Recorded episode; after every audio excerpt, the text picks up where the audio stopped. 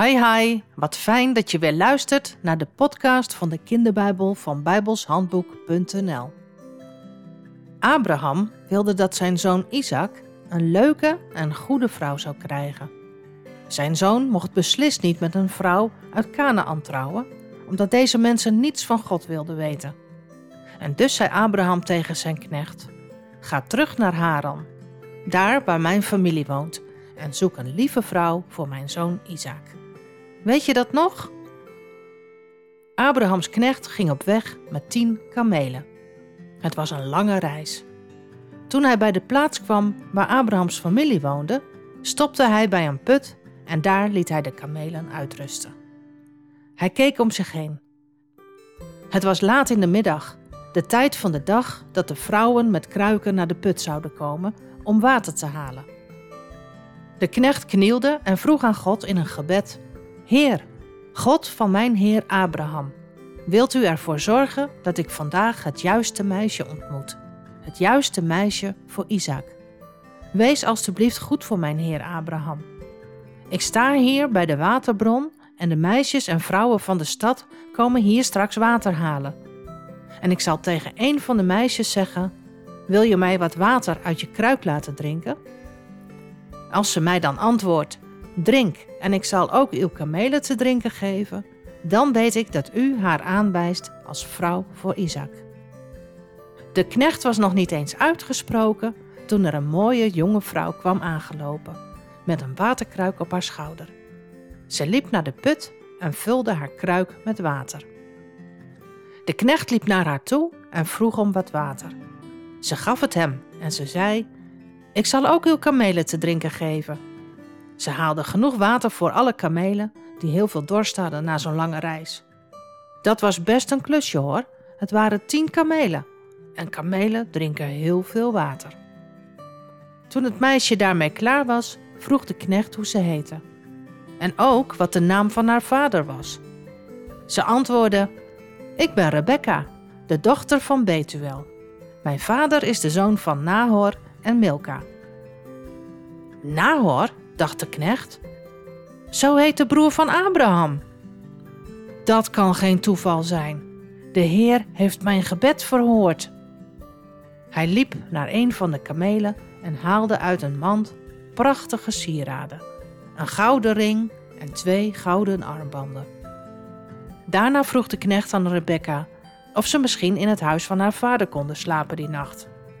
Natuurlijk, zei Rebecca, we hebben genoeg stro en voer voor de kamelen en er is een plek bij ons om te slapen.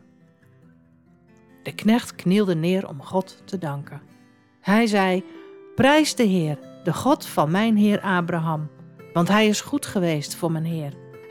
Hij heeft mij naar het huis van de broer van mijn Heer gebracht. Vrolijk liep Rebecca naar huis om alles te vertellen wat ze had meegemaakt. De broer van Rebecca, Laban, hoorde het ook en hij zag ook de sieraden van Rebecca. Poepoe. Laban wilde wel even kennis maken met de knecht en hij liep snel naar de put. Daar vond hij de knecht en de kamelen. Laban zei: Vriend, kom met me mee naar huis. Waarom sta je nog buiten? Ik heb het huis en de plaats voor de kamelen al helemaal voor je klaargemaakt. Toen ging de knecht van Abraham met Laban mee naar huis. Daar was ook de vader van Rebekka, Betuel. De kamelen kregen voer en stro en de knecht en zijn mannen kregen water om de voeten te wassen. Daarna kregen ze te eten. Maar de knecht zei: Nee, wacht. Kunnen we nog even wachten met het eten? Ik wil graag eerst mijn verhaal vertellen. Dat is goed. Vertel je verhaal maar, zei Laban. De knecht begon te vertellen over het wonder van de geboorte van Isaac.